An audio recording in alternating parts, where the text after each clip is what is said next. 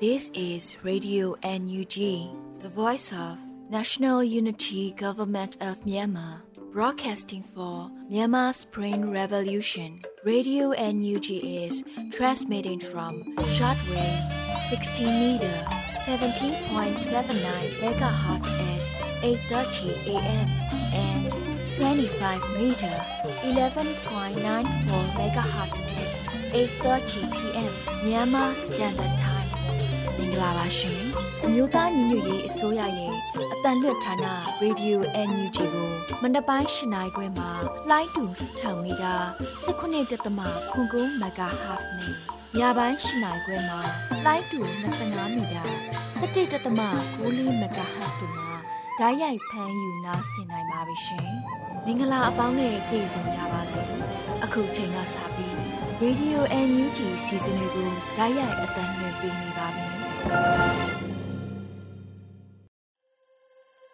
မြန်မာနိုင်ငံသူနိုင်ငံသားအပေါင်းတဘာဝပြီးဆရာနာရှင်ပြီးတို့ကနေကင်းဝေးပြီးကိုစိတ်နှပါဘေးကင်းလုံခြုံကြပါစေလို့ရေဒီယိုညူဂျီဖွယ်သားများကဆုတောင်းမေတ္တာပို့သလာရပါတယ်ရှင်။အခုချိန်ကစပြီးပြည်တွင်းသတင်းများကိုတော့ Sordes လူမျိုးမှဖတ်ကြားတင်ပြပေးပါတော့မယ်ရှင်။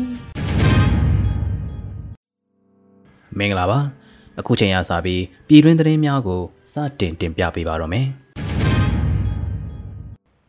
2023ခုနှစ်ဟာစစ်ကောင်စီရဲ့ပင်မအရင်ကိုတူးဖြိုပြရမယ့်အချိန်ရောက်ပြီလို့ယာယီသမရဒူဝါလက်ရှိလာကပြောကြားလိုက်တဲ့သတင်းကိုတင်ပြပေးပါမယ်။2023ခုနှစ်ဟာစစ်ကောင်စီရဲ့ပင်မအရင်မြစ်ကိုတူးဖြိုပြရမယ့်အချိန်ရောက်ပြီလို့ယာယီသမရဒူဝါလက်ရှိလာကပြောကြားလိုက်ပါတယ်။ဒီဇင်ဘာလ29ရက်နေ့မှာကျင်းပတဲ့အမျိုးသားညီညွတ်ရေးအစိုးရ၏80ကြိမ်မြောက်အစိုးရအဖွဲ့အစည်းအဝေးမှာယာယီသမရဒူဝါလက်ရှိလာကအခုလိုဆိုထားပါတယ်။ 2023ခုနှစ်ထဲမှာကျွန်တော်တို့အနေနဲ့ပြည်ပြည်ပြင်းပြင်းပြက်ပြက်သားသားဖြစ်မယ်နိုင်ငံရေးရလဒ်တစ်ခုခုကိုထပ်မံပေါ်ထွက်လာအောင်ကြိုးစားရပါမယ်ဒီလိုနိုင်ငံရေးရလဒ်မျိုးဟာလူလူယုံကြည်မှုကိုရဖို့တခုတည်းအတွက်မဟုတ်ပါဘူးဖက်ဒရယ်နိုင်ငံတစ်ခုဖြစ်ထွန်းဖို့အတွက်အရေးကြီးတဲ့ခြေလှမ်းသစ်ဖြစ်ဖို့လည်းရည်ရွယ်ထားပါတယ်။ဒါအပြင်စီးရေးရလတ်မှာစစ်ကောင်စီရဲ့ဗဟိုချက်ကိုကင်လုံနိုင်မယ်။အောင်မြင်မှုမျိုးကိုလည်းဖန်တီးနိုင်ဖို့လိုတယ်လို့ယူဆပါတယ်။ မြန်မာစကားပုံမှာအရင်လဲအဖျားထင်းဖြစ်ဆိုတဲ့စကားရှိပါတယ်စစ်ကောင်စီရဲ့လက်တံတွေတောက်တိုင်နေတဲ့မှာအဖျားသားအနာသားတွေကိုထိုးနှက်နေခြင်းထက်ပင်စီအရင်ကိုလှည့်ပစ်နိုင်ဖို့လည်းအရေးကြီးတယ်လို့ယူဆပါတယ်2023ခုနှစ်ဟာစစ်ကောင်စီရဲ့ပေမအရေးမြစ်ကိုတူးဖြိုပြရမယ့်အချိန်ကိုရောက်ပြီလို့ယုံကြည်ပါတယ်လို့ဆိုထားပါတယ်။ဒါအပြင်ຫນွေဦးဒေါ်လာရေးရဲ့အောင်ပွဲအရရက်ဟာကျွန်တော်တို့အစိုးရအဖွဲ့တစ်ခုတည်းရဲ့အောင်ပွဲမဟုတ်ဘဲဒေါ်လာရင်းအင်အားစုအားလုံးရဲ့အောင်ပွဲပြည်သူလူထုတရက်လုံးရဲ့အောင်ပွဲဖြစ်တယ်လို့ယာယီသမ္မတကထပ်လောင်းဆိုထားကြောင်းတင်ရရှိပါရခင်ဗျာ။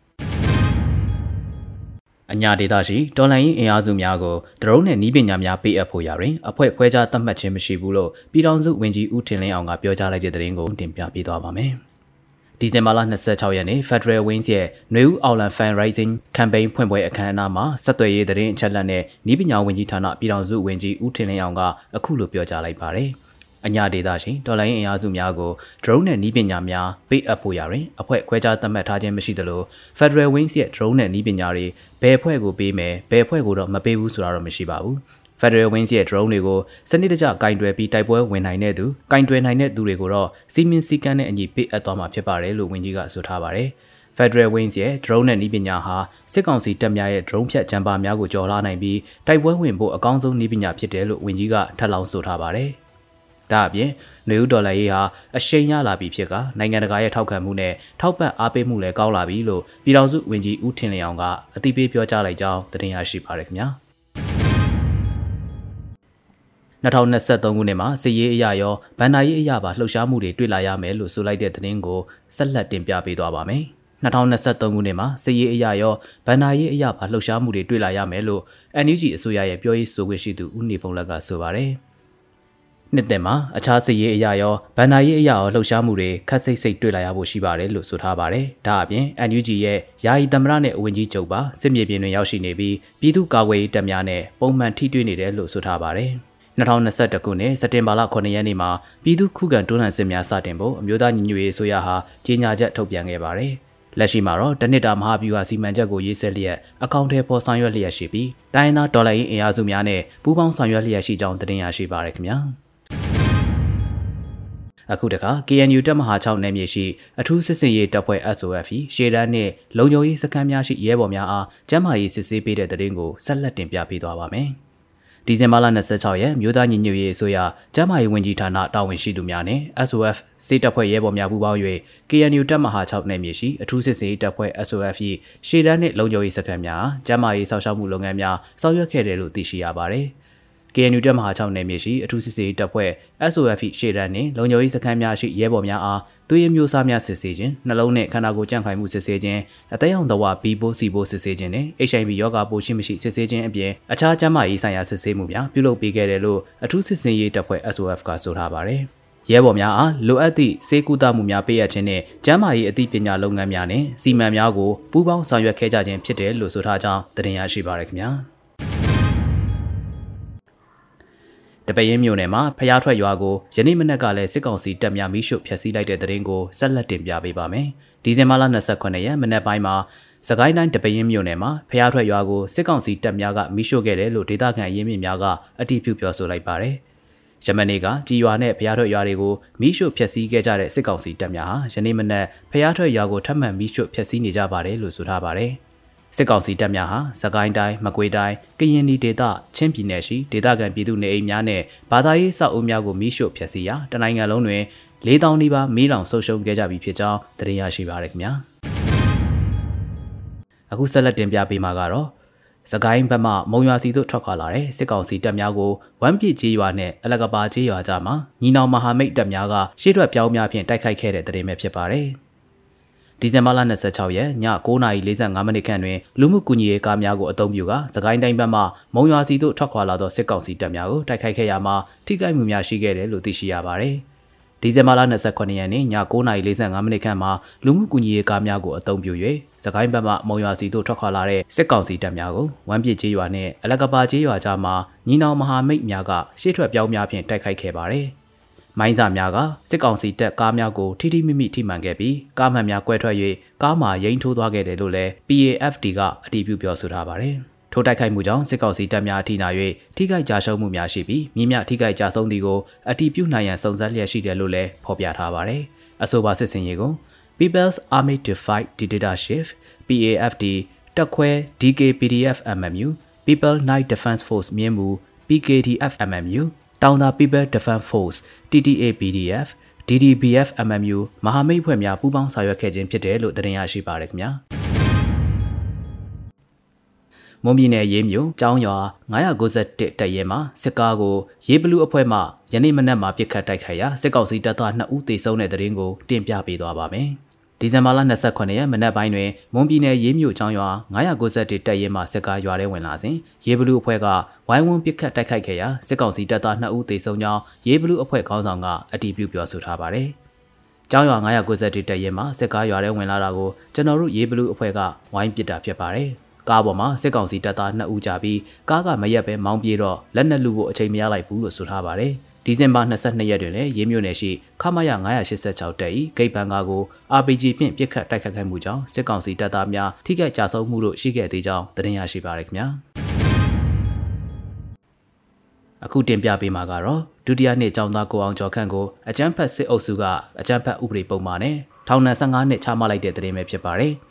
တူနာပြုသင်တန်းကျောင်းမန္တလေးမှာဒုတိယနှစ်ကျောင်းသားတဦးဖြစ်တဲ့ကိုအောင်ကျော်ခန့်ကိုအကြမ်းဖက်စစ်အုပ်စုကအကြမ်းဖက်ပုံမှန်နဲ့ထောင်ဒဏ်15နှစ်ချမှတ်လိုက်ပါတယ်။အမရပူရာမြို့နယ်ကျောင်းသားသမဂအဖွဲ့ဘကသများအဖွဲ့ချုပ်အဖွဲ့ဝင်ဘကသကျောင်းသားရဲဘော်တို့ဖြစ်တဲ့ကိုအောင်ကျော်ခန့်ကိုအကြမ်းဖက်စစ်အုပ်စုကအကြမ်းဖက်ဥပဒေပုံမှန်90ညနဲ့မနေ့ညဒီဇင်ဘာ26ရက်နေ့မှာအိုးဘိုထောင်တွင်တရားရုံးမှထောင်ဒဏ်15နှစ်ချမှတ်ခဲ့ကြောင်းသိရရှိပါတယ်။ ကိုအောင်ကျော်ခန့်မှာသူနာပြုသင်တန်းကျောင်းမန္တလေးမှာဒုတိယနှစ်ကျောင်းသားတဦးဖြစ်တယ်လို့မန္တလေးခရိုင်ကျောင်းသားများသမဂဘကတများအဖွဲ့ချုပ်၏တရင်နှင့်ပြန်ကြားရေးတာဝန်ယူကဆောင်ရွက်ဖူးသူတဦးလည်းဖြစ်ခဲ့ပါတယ်။စစ်အာဏာရှင်စန့်ကျင်ရေးလှုပ်ရှားမှုတွေမှာတက်ကြွစွာပါဝင်ခဲ့သူဖြစ်တဲ့ကိုအောင်ကျော်ခန့်ကို2022ခုနှစ်ဇွန်လ9ရက်နေ့ညနေပိုင်းကမန္တလေးမြို့မှာဖမ်းဆီးထိန်းသိမ်းခံရခြင်းဖြစ်ကြောင်းသတင်းရရှိပါရခင်ဗျာ။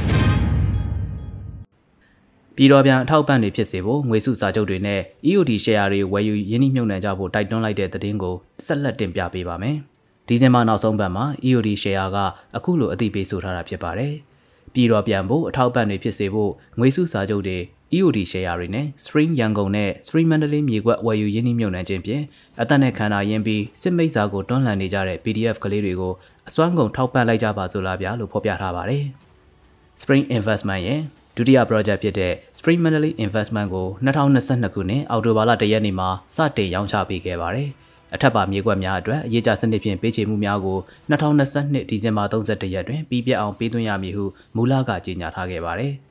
တော်လန်စိတ်ဖြင့်မြေကွက်ဝယ်ယူသူများအဆင်ပြေစေရန်ကြန့်ရှိနေသောအရေးကြငွေပေးချေမှုများအတွက်မိမိတို့ရဲ့သက်ဆိုင်ရာကိုယ်စားလှယ်များကိုဆက်သွယ်ပြီး2022ခုနှစ်ဒီဇင်ဘာလ31ရက်မြန်မာစံတော်ချိန်ည12နာရီမတိုင်မီအရေးကြအော်ရာများတင်ပေးစေဖို့နဲ့2023ဇန်နဝါရီလ31မတိုင်မီကိုယ်စားလှယ်ထံငွေပေးချေကြဖို့မြစ်တာရက်ခံတိုက်တွန်းလိုက်ရပါတယ်လို့ဖော်ပြထားပါတယ်။ဒါအပြင်နှစ်ကုန်မှာရကြတဲ့ bonus တွေကိုစစ်ကောင်စီဖြုတ်ချမဲ့လက်နက်တွေအဖြစ်ပြောင်းလဲပစ်ချဖို့လဲ EOD ကတိုက်တွန်းထားကြောင်းသတင်းရရှိပါရခင်ဗျာ။ အခုတင်ပြပေးခဲ့တဲ့သတင်းတွေကိုတော့ Radio NUG သတင်းတောက်မင်းမင်းကပေးပို့ထားတာပဲဖြစ်ပါတယ်ကျွန်တော်စောတဲလူနေပါ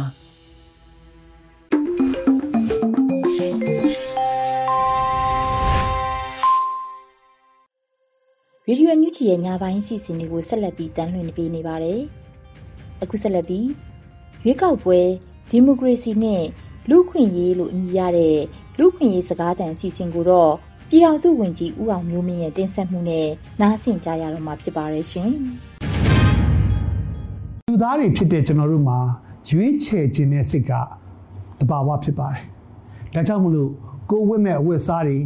ကိုစားတောက်မဲ့အစားအစာတွေကိုဘယ်ဟာကောင်းမလဲဘယ်ဟာတော့ငါတို့နဲ့မကိုက်ညီဘူးလဲဆိုပြီးရွေးချယ်ခွင့်ရှိပါတယ်။ရွေးချယ်လိလည်းရှိပါတယ်။ကိုဘဝအတွက်အရေးကြီးတဲ့အစိုးရတရက်ကိုရွေးချယ်မှုကလည်းလူ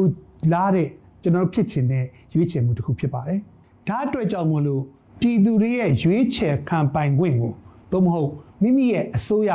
ရွေးချယ်ပိုင်ခွင့်ကိုလူခွေတရားအနေနဲ့သတ်မှတ်ပြီးတော့အပြည်ပြည်ဆိုင်ရာလူခွေကြီးညာစာတမ်းရဲ့အပိုက်21မှာလူတိုင်းကအစိုးရမှာပါဝင်ခွင့်ရှိတယ်လို့ဖော်ပြထားပါတယ်။လူတိုင်းကအစိုးရမှာပါဝင်ခွင့်နေရာမှာဓာတ်ရိုက်ဖြစ်ပါစေသို့မဟုတ် ရွေးကောက်ပွဲကတဆင့်ရွေးချယ်ပြီးအစိုးရကိုမဲပေးပြီးတော့ရွေးချယ်ပိုင်ခွင့်ရှိတယ်လို့ဖော်ပြထားတာတွေ့နိုင်ပါတယ်လူတိုင်းပါဝင်နိုင်မှုခက်ခဲတဲ့အတွက်ကြောင့်မို့လို့ကိုစားပြုပြီးရွေးကောက်ပွဲကတဆင့်အစိုးရကိုရွေးချယ်ပိုင်ခွင့်ဆိုတာကိုလည်းထပ်မံရှင်းပြထားပါတယ်ဒါပေမဲ့ကျွန်တော်တို့မြန်မာနိုင်ငံမှာတော့2020ခုနှစ်ရွေးကောက်ပွဲရဲ့ရလဒ်ကိုအတိအမှတ်မပြုဘဲ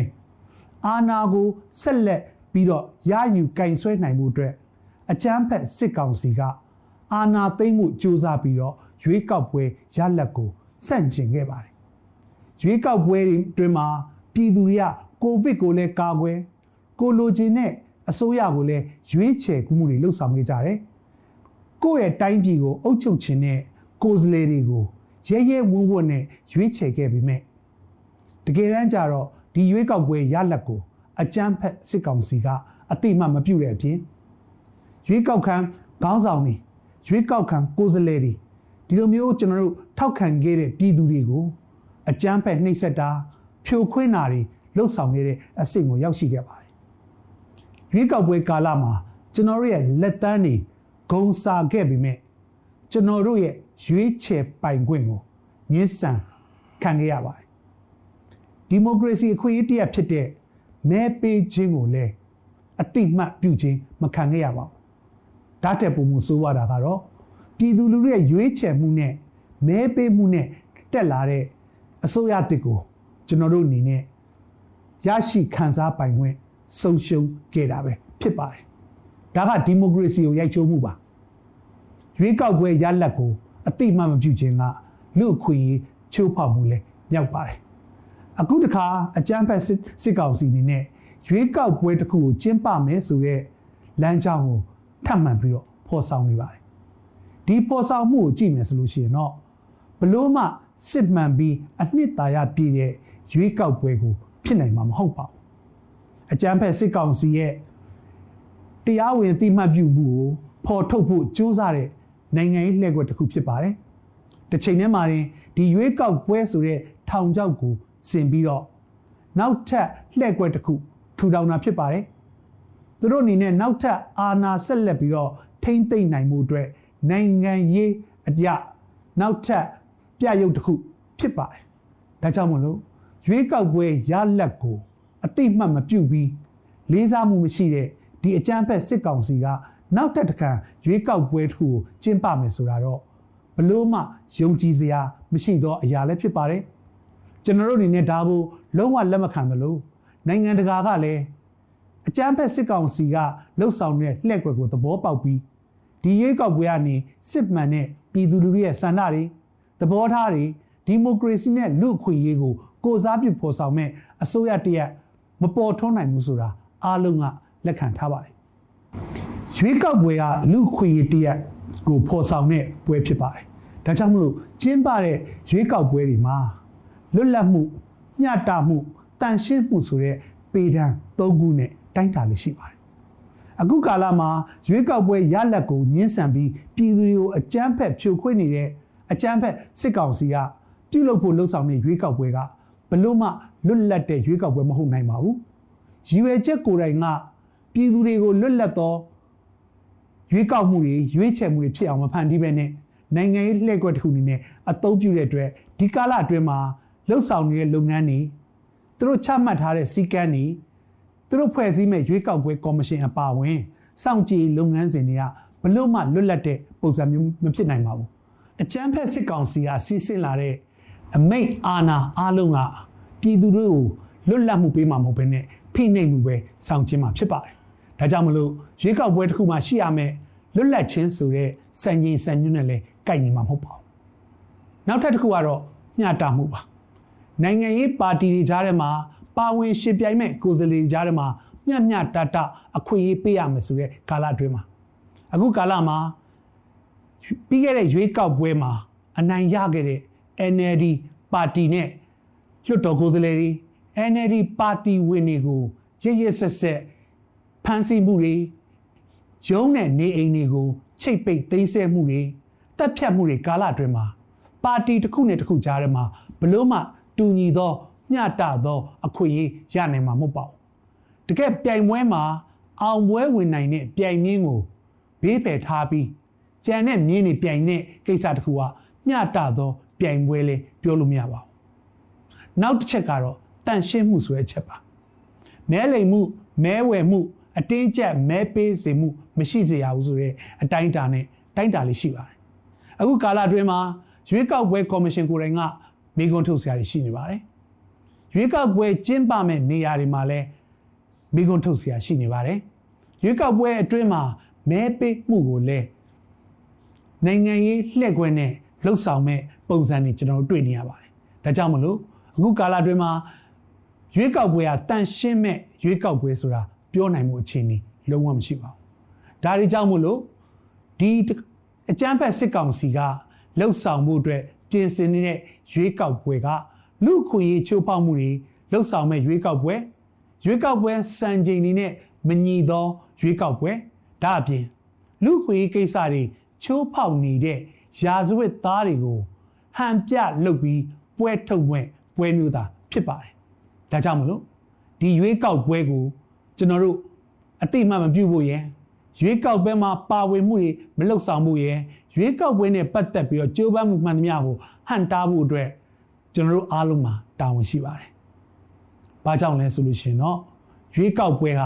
လူခွေရေးတရက်ကိုကျင့်သုံးတဲ့အရာဖြစ်ဖို့အတွက်လိုအပ်တဲ့အပြင်ရွေးကောက်ပွဲအတစ်ဆင့်ပေါ်ပေါက်လာမဲ့အစိုးရကပြည်သူတွေရဲ့အသေးကြားကမဲတပြားနဲ့ရွေးချယ်တင်မြှောက်တဲ့ပြည်သူအစိုးရဖြစ်ရပါလိမ့်မယ်။လက်ရှိအခြေအနေမှာတော့ဒါတွေကဘလို့မှမဖန်ဆင်းနိုင်ဘူးဆိုတာသိတာထင်ရှားတဲ့အတွက် ရွေးကောက်ပွဲနဲ့ပတ်သက်ပြီးတော့ပြည်သူတွေဝိုင်းဝန်းတားဆီးဆန့်ကျင်ဖို့လှုံ့ဆော်ပေးကြပါ။ကဘာအနေနဲ့လည်းဒါကိုအတိမတ်ပြုဖို့လှုံ့ဆော်ပေးကြပါ။ကျွန်တော်တို့အနေနဲ့လည်းဒီရွေးကောက်ပွဲကိုအတိမတ်မပြုတဲ့အကြောင်းပြောကြားလိုပါတယ်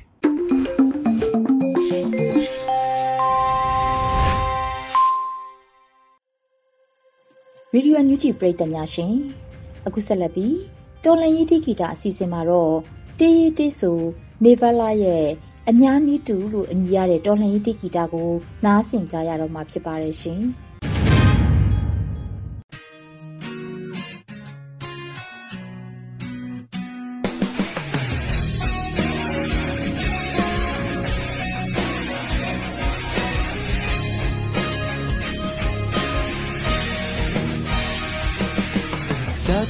လိုက်တဲ့ကြားတွေကနေပြီးလွယ်ရတဲ့အဖြစ်မျိုးလဲရှိခဲ့တာတ ဘာဝမကြာဟိုပြစ်တွေမရှိပါကြတဲ့ကနေပြီးငုတ်ခံရတဲ့ချိန်မျိုးလည်းရှိခဲ့တာဒါတရားလား no ချပါတော့ကွာမောင်ကလင်းပြပြဟိုရှိမှာဘယ်ပြပါမိုးနဲ့မြေသာကြိုးစားထားညာနာ နီဝဲကွာလူလာခွင့်ရှိတာမဆိုင်ကူရမေရဘဝသတူ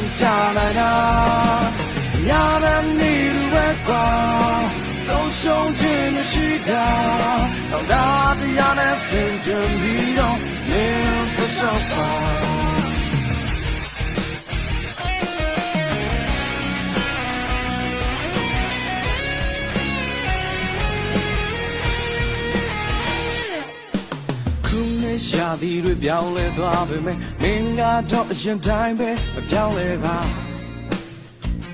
အိုလူဘဝအော်ရတောင်ရခဲ့လာတဲ့ဒီဘဝမင်းတမန်လေးလာဖို့တော့အကျိုးလာပါမဆန္ဒများလုံးချပါတော့ကွာမောင်ကလင်းပြပြဟိုးရှိမှာအကွဲပြပါမိုးနဲ့မြေသာ ကြိုးစားထားညာနာမီလူပဲကွာလုံးလာခွင့်မရှိတာမစိတ်ကူရမင်းရဘဝတတူကြလာတာညာနာမီလူပဲကွာဆုံးရှုံးခြင်းမရှိတာဒါတရားနဲ့စင်ကြယ်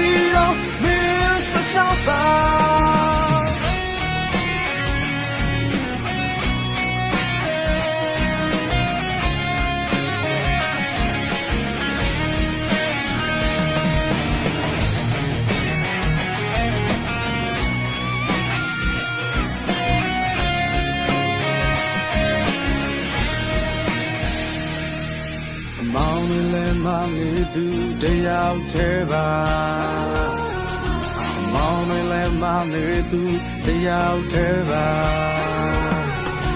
မောင်လည်းမောင်လေးသူတယောက်တည်းလားညာနဲ့နေရကွာလူလာခွင့်မရှိတာမစိတ်ကူရမင်းရဲ့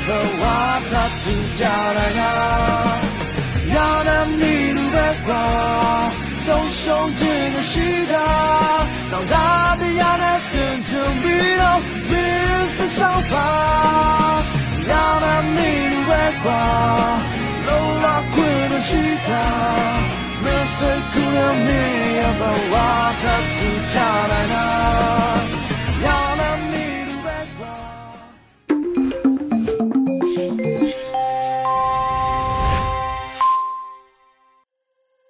ရေဒီယိုအန်ယူဂျီပရိသတ်တွေအတွက်ကူးဆက်လက်ပြီးထုတ်လွှင့်ပေးမယ့်အစီအစဉ်ကတော့တိုင်းရင်းသားဘာသာစကားနဲ့သတင်းထုတ်လွှင့်မှုအနေနဲ့အနောက်ဘူကရင်ဘာသာဖြင့်တပတ်အတွင်းသတင်းတွေကိုတော့နဲ့ရင်နှွေးမိမှဖတ်ကြားတင်ပြပေးပါတော့မယ်ရှင်။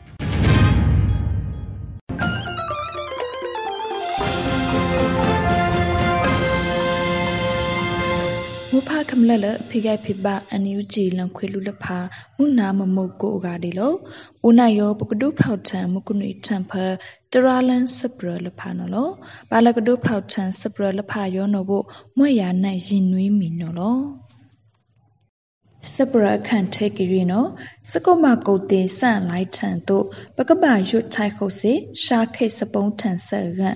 ခန့်ကုတ်ဒူလဆုလလန့်ဒူဝါလရှိလာပကတ်ထန်အကိုင်းနော်လော စသက်ထန်ထောက်လဲရခန့်တောင်ရောလက်မှုထန်လက်စကိုပါကိုတီခိုင်းနော်လောစဖိုလိုအန်လိုက်ထန်တိခန့်ကရောအကဲဒူတို့စဖိုလိုအန်လိုက်ထန်စကိုပါကိုတီရောစစ်ပကပအောက်ကီဒူခုဒမာနော်လောစန်လိုက်ထန်ရှာအဖူကောက်တောက်တဲ့စစောင်းမောင်လူလဖာရောကပအောက်ခုလန်လေစသက်ထန်တိခန့်အတန်နော်လောအီလမွက်ပါတိခန့်ရောကထိုင်ထောက်လဲဆလန်စိတ်လန်ရွာနော်လော ပကဘာထထထတဆက်ရောကောပကဘာရွတ်ထိုင်းစကုတ်ပါကိုတေဆန့်လိုက်ထန်တယ်ရှာခိတ်စပုံးထန်တော့အကြောင်းအိုက်ဒုပကထန်နောဂိုင်ခက်ကဒူလဆုလလတ်ဒူဝါလရှိလာနော်လာဒီဇင်ဘာနီစီတဲတဲ့မိုကိုဖက်ဒရယ်စမာလူစတီဒန်ဒိုလန်ဖာလောင်လန်ချာနော်နော်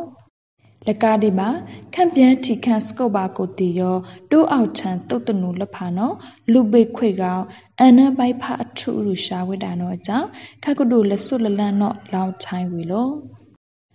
စပရလခိုင်ကရီနော်ပဒုစပုံးထန်အတုကဘာကရုစခုဒမဆလန်းကောင်လန်းချောင်းလဖကလန်းရှာအကန်ခက်ဆက်ကောင်ခန်းဒုခိုထုတ်မဝင်းခိုင်တန်ပကတ်ထန်ချအကိုင်နော်လော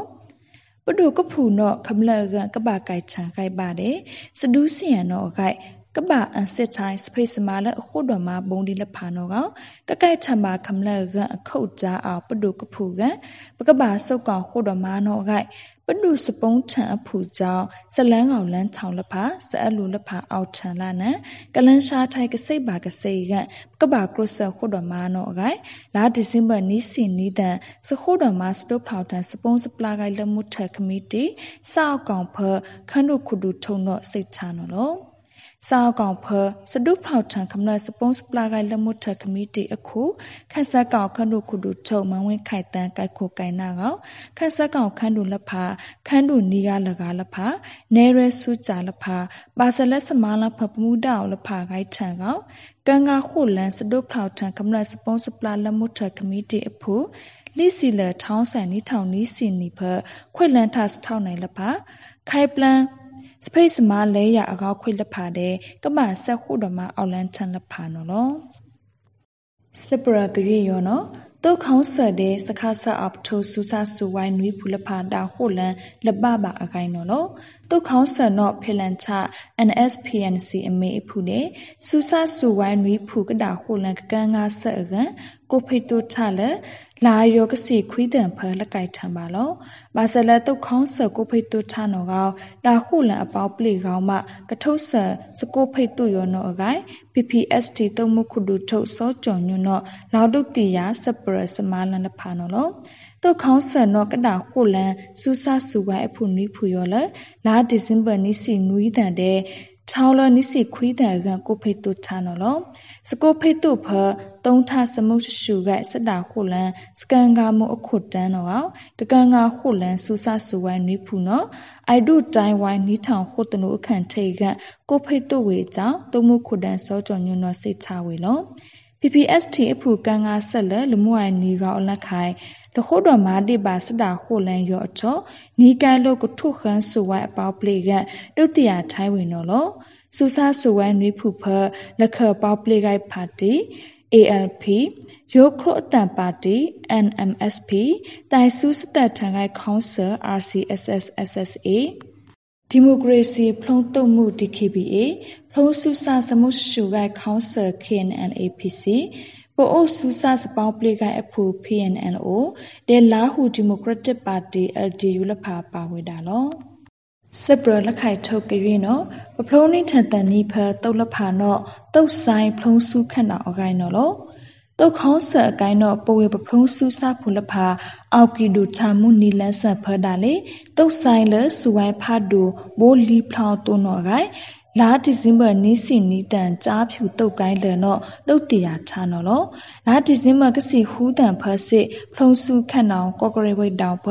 စတုတ်ကိုင်ထန်ဖတုတ်ခေါင်းဆအကိုင်းတော့တုံမှုခုဒုကကအပါနွေရလန်းချေကောင်ခွေရနော်တုနိပါစပါဒူပါထိန်နော်လော မုကုရိထံဖတရာလန်စပရလဖာယောမဒါခွေယောလောမဖခမလလအဖိခိုင်ဖိပအန်ယူဂျီလန်ခွေလူလဖာမွကဒူနိပါစမုရှရှုကိုကဒလာစေ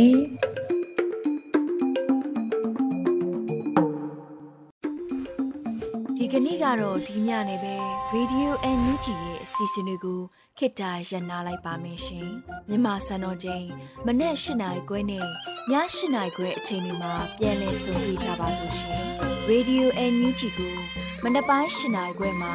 လိုင်းတူ16မီတာ19.7 MHz နဲ့ညပိုင်း၈နိုင်ခွဲမှာလိုင်းတူ25မီတာ17.6 MHz တို့မှာဓာတ်ရိုက်ဖမ်းယူနားဆင်နိုင်ပါပြီရှင်မြန်မာနိုင်ငံသူနိုင်ငံသားများကိုစိတ်နှဖျားစမ်းမချမ်းသာလို့ဘေးကင်းလုံခြုံကြပါစေလို့ Radio NUG ရဲ့ဖွဲ့သူဖွဲ့သားများကဆုတောင်းလိုက်ရပါတယ်။ San Francisco Bay Area အခြေဆိုင်မြန်မာမိသားစုများနဲ့နိုင်ငံတကာကစေတနာရှင်များလုံအားပေးများရဲ့ Radio NUG ဖြစ်ပါတယ်ရှင်။အရေးတော်ပုံအောင်ရမည်။